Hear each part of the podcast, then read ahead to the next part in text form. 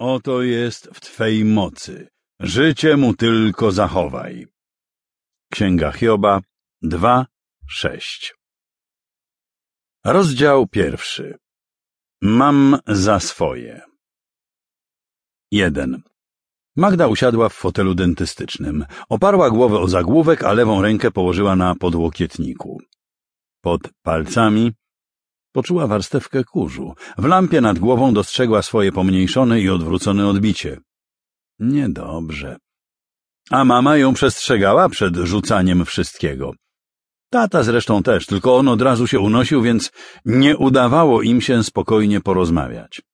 Raptus nigdy nie potrafił zachować spokoju. Od razu kipiał gniewem i krzyczał. Ile razy chciała coś zrobić po swojemu, od najmłodszych lat. Zawsze ją krytykował. A kiedy mimo wszystko upierała się przy swoim, wściekał się i obrażał. Najgorzej jednak było, gdy ojciec jeszcze pił. Zdarzało mu się, że wyżywał się na Wojtku, jej starszym bracie.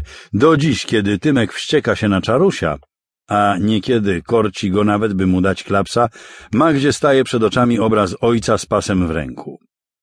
Najpierw zawsze kazał Wojtkowi go sobie przynosić. Kiedyś, gdy Wojtek wgniótł piłką maskę samochodu sąsiada, postanowił mu wymierzyć karę nowego typu. Powiedział Magdzie, żeby pożyczyła mu swoją skakankę. Potem razem z nim musiała związać bratu ręce na plecach. Wojtek był już wtedy na tyle duży, że mógł się w desperacji wyrwać i obronić. Płakała, ale nie potrafiła się sprzeciwić ojcu. Zbyt się bała. Później kazał jej stać i patrzeć, jak lał Wojtka pasem po nogach i pupie. Czekał, aż syn powie przepraszam. Nie powiedział. Po pół godzinie katuszy chyba mu się znudziło. Ech, ty głupi tchórzu, nawet nie potrafisz się przyznać. Rzucił pas i wyszedł z domu. Rozwiązała brata. Nie odezwał się ani do niej, ani do mamy, ani do nikogo.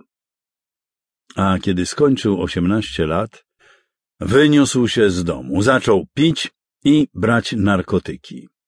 Zresztą, robił to już wcześniej.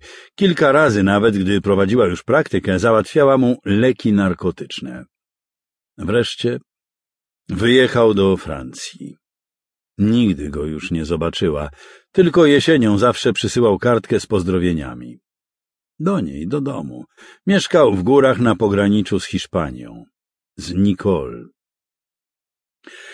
Najtrudniej było jej zrozumieć niekonsekwencje ojca.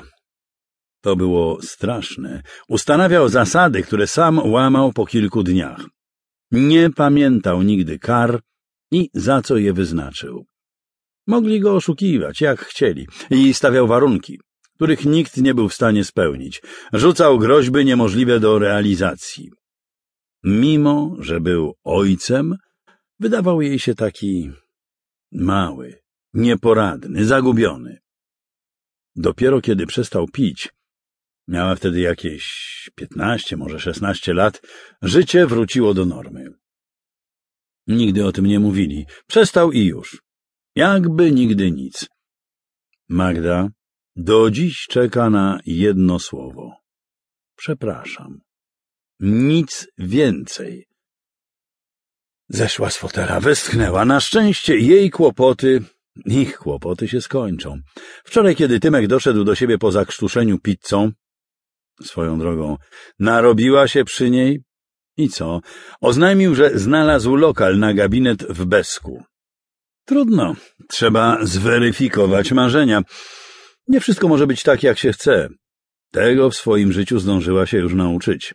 A do końca września pojeździ trochę Hyundaiem po okolicznych drogach, a od października mogą zacząć tam remontować i przenosić sprzęt. Będzie musiała płacić czynsz, ale na pewno zarobi wystarczająco. A wydawało się to takie proste. W promieniu kilkudziesięciu kilometrów, może nawet stu, było zaledwie kilku dentystów. I do tego o nie najlepszej renomie. Tyle, że to chyba kwestia tej przeklętej wsi, tego miejsca.